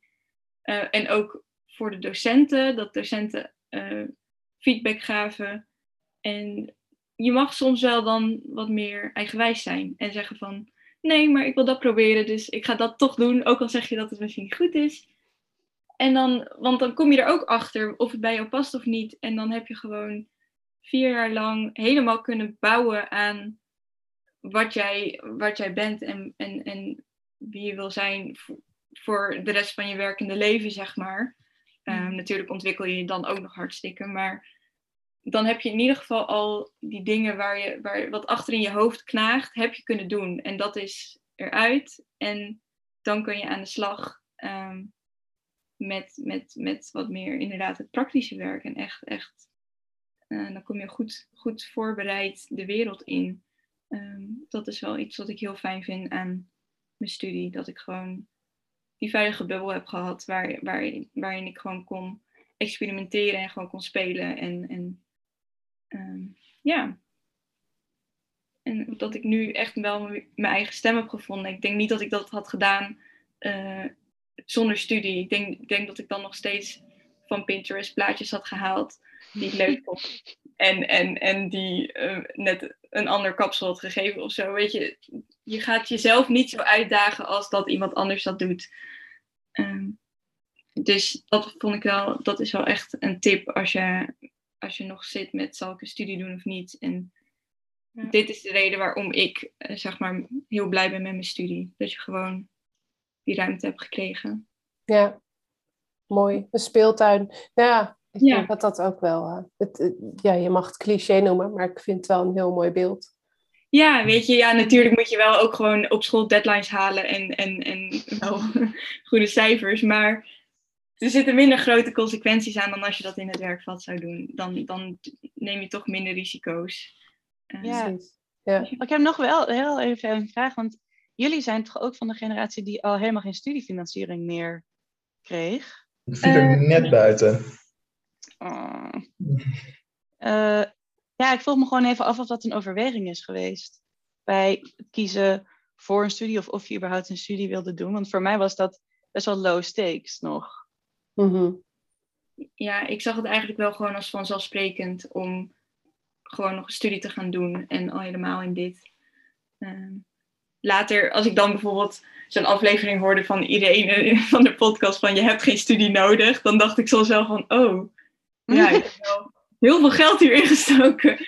Maar dan denk je ook wel weer wat ik er dan aan heb gewonnen. En dan ben ik toch wel heel blij dat ik dit heb gedaan. Maar ik denk ook, die is ook wel te nuanceren. Ik, ik denk niet dat niemand een studie nodig heeft. Maar ik denk, want ik bedoel, ik had ook niet op mijn achttiende moeten gaan zeggen: Hallo, ik ben illustrator. Hier ben ik. Dat was echt een totale flop geworden. Dus ik had wel, ik heb wel um, uh, gewoon de levenservaring nodig gehad. Ja, en, dat herken ik. En je moet natuurlijk ook, je moet, je moet wel een beetje kunnen tekenen, dat ook. En dat, dat, misschien hoeft dat niet per se op een, op een kunstacademie, kan het ook ergens anders. Um, maar ja, dat. Ja, en ja. ook een studie in het algemeen is op zich wel gewoon goed voor een mens. Om dan inderdaad op je achttiende gewoon helemaal de wijde wereld in te gaan. Dat, dat is gewoon echt heel erg, uh, heel erg jong. Ja. Ja. Ja, en ook... Um besef je ook dat elke, vooral met kunstacademies, elke school heel erg anders is. En heel erg zijn mm. eigen sfeer en leerwijze heeft. Ook al is het misschien dezelfde studie of heeft het ja. dezelfde naam.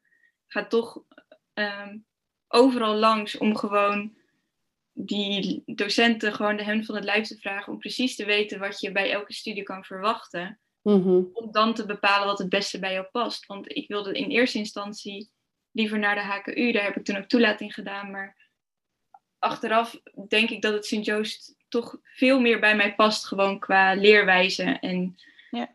Uh, dus ja, dat moet je gewoon echt, dat moet je echt even in het echt zien en echt even de sfeer proeven en weten van past deze school bij mij of niet.